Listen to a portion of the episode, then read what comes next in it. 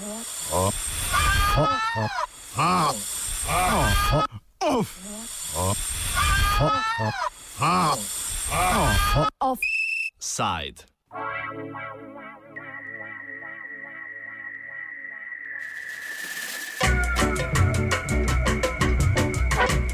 Brazilski voljivci so po štirih letih odločali o novem predsedniku države.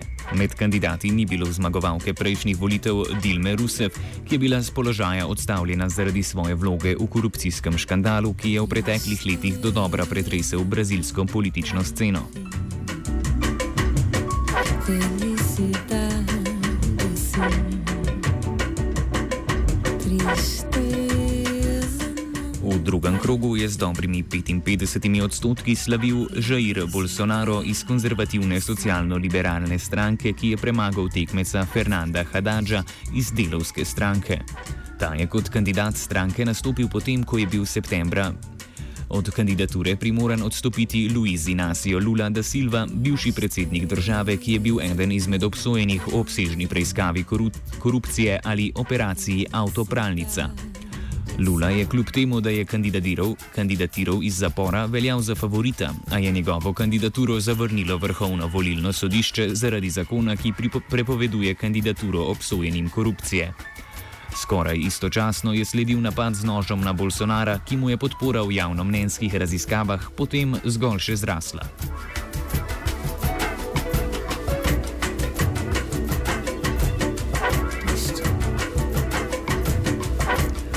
Žair Bolsonaro se je v obdobju, ko je večji del volilnega telesa zaradi operacije Autopralnica izgubljal zaupanje v politike na oblasti, predstavljal kot čist z obtožbami neobremenjen kandidat, ki se bo boril proti korupciji in kriminalu. Obenem je buril javnost z izjavami, v katerih je bilo zaznati rasizem, seksizem, homofobijo, pa tudi nostalgijo po obdobju vojaške diktature, ki se je v Braziliji končala leta 1985.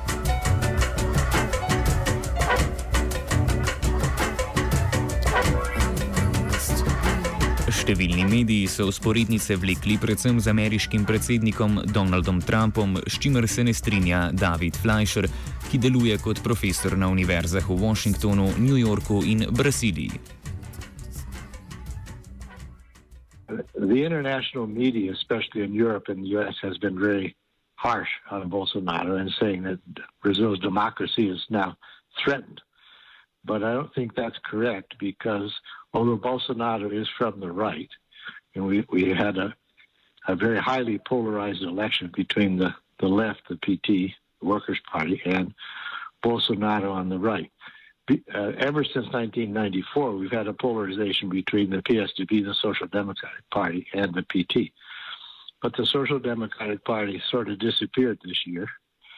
and so the polarization was between the far right and the far left. Uh, Bolsonaro uh, made a lot of what you would call campaign rhetoric statements during, if, ever since earlier this year and then during the campaign. Uh, but he's toned that down considerably now toward the end of the second round, and with his two speeches yesterday, uh, ex, uh, acceptance speech, or you might say victory speech, he was quite clear that he's going to work within the Constitution and within the political institutions, and especially with Congress. Because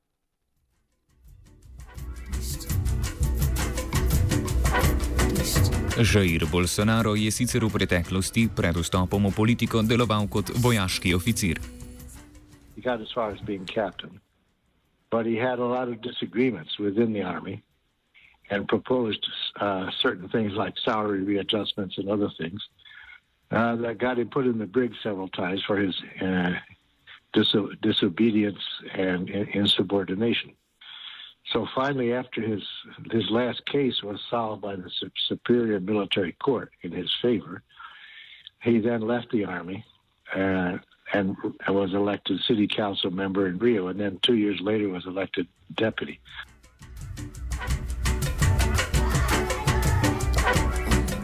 Razloge za vzpon Bolsonara od kongresnika do prepoznavne osebnosti na brazilski politični sceni Andreza de Souza Santos iz Latinsko-ameriškega centra Univerze v Oxfordu med drugim vidi v njegovih kontroverznih in konzervativnih pogledih na družino in homoseksualnost. he was an MP for the past 27 years, and his trajectory in the Congress was pretty low profile. He he didn't get many projects approved. He wasn't a name remembered um, by most people. He started to gain visibility with um, when uh, another MP became the president of the Commission for Human Rights, and he he was a pastor of um, Brazilian Evangelical Church, and then there was a controversy about how children should learn about gender and sexuality.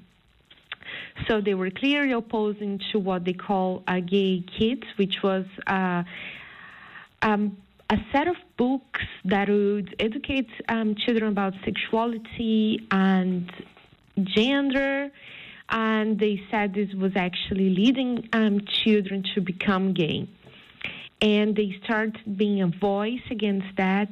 And there, there were later statements that this was fake news, that there was never a drive to, you know, to make children become homosexuals or teach them how to. But still, this was enough of a platform to to build up a profile, um, being a voice against um, homosexuality and against um, the, the influence of homosexuality in, on children.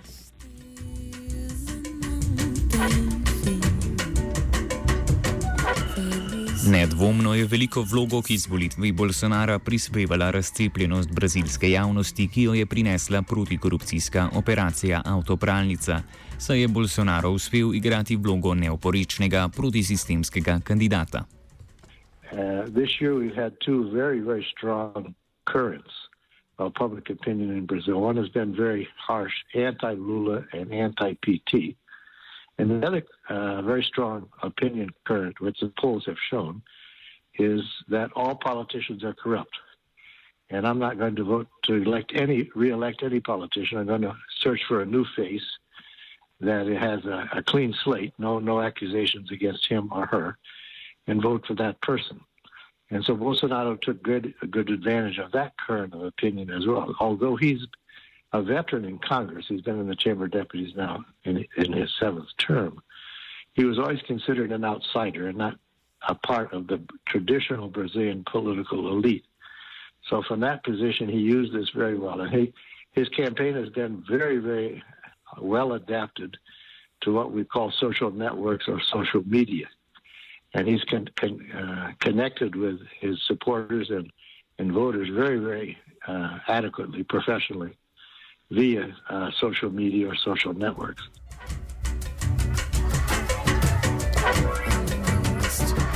Luiz Inacio Lula da Silva je kljub obsodbi do odločitve vrhovnega sodišča, da mora umakniti svojo kandidaturo, užival veliko podporo brazilske javnosti.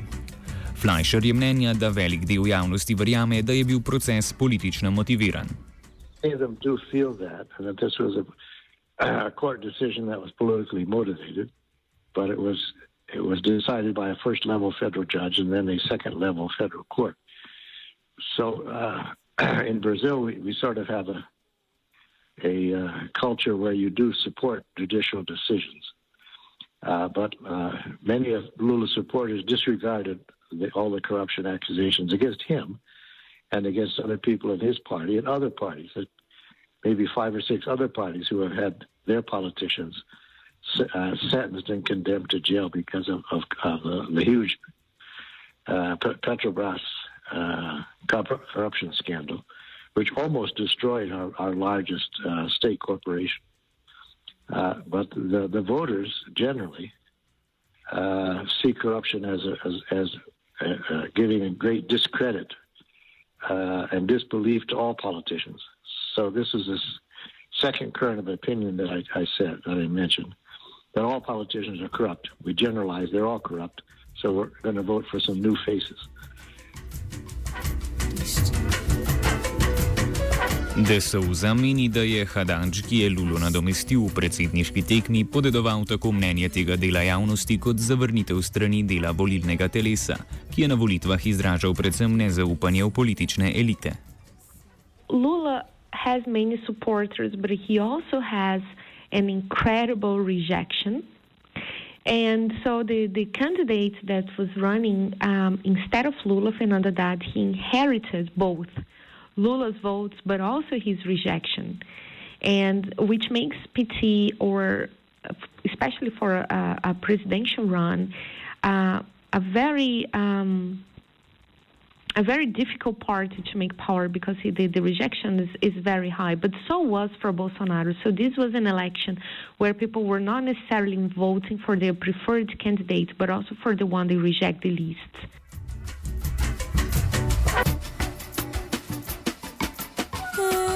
Oba sogovorca se sicer strinjata, da v politiki Brazilije večjih pretresov ne bo.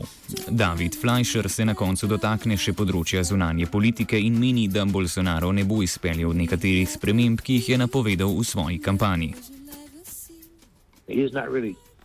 Elucidated very much on his foreign policy. He has said, I'm going to take ideology out of foreign policy, and Brazil will be dealing on equal terms with all nations.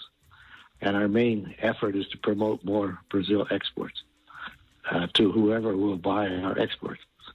Uh, there are, um, let's see, some versions circulating in the press that he might appoint a foreign minister who is a member of the former royal family in Brazil, a, a prince descendant from our emperor in the 19th century, who is a a fairly adequate young man who is a political scientist uh, and worked for a while in the financial markets in the in New York.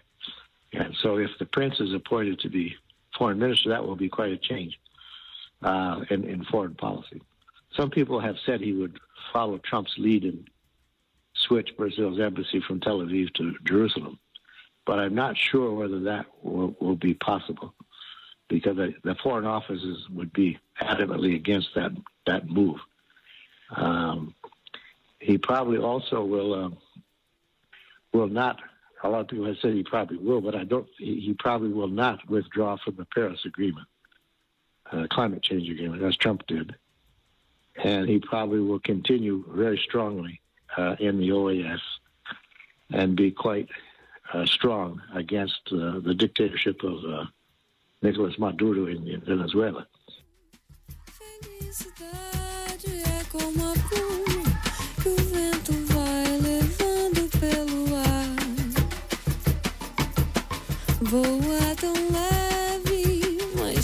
Offside je pripravil Jure.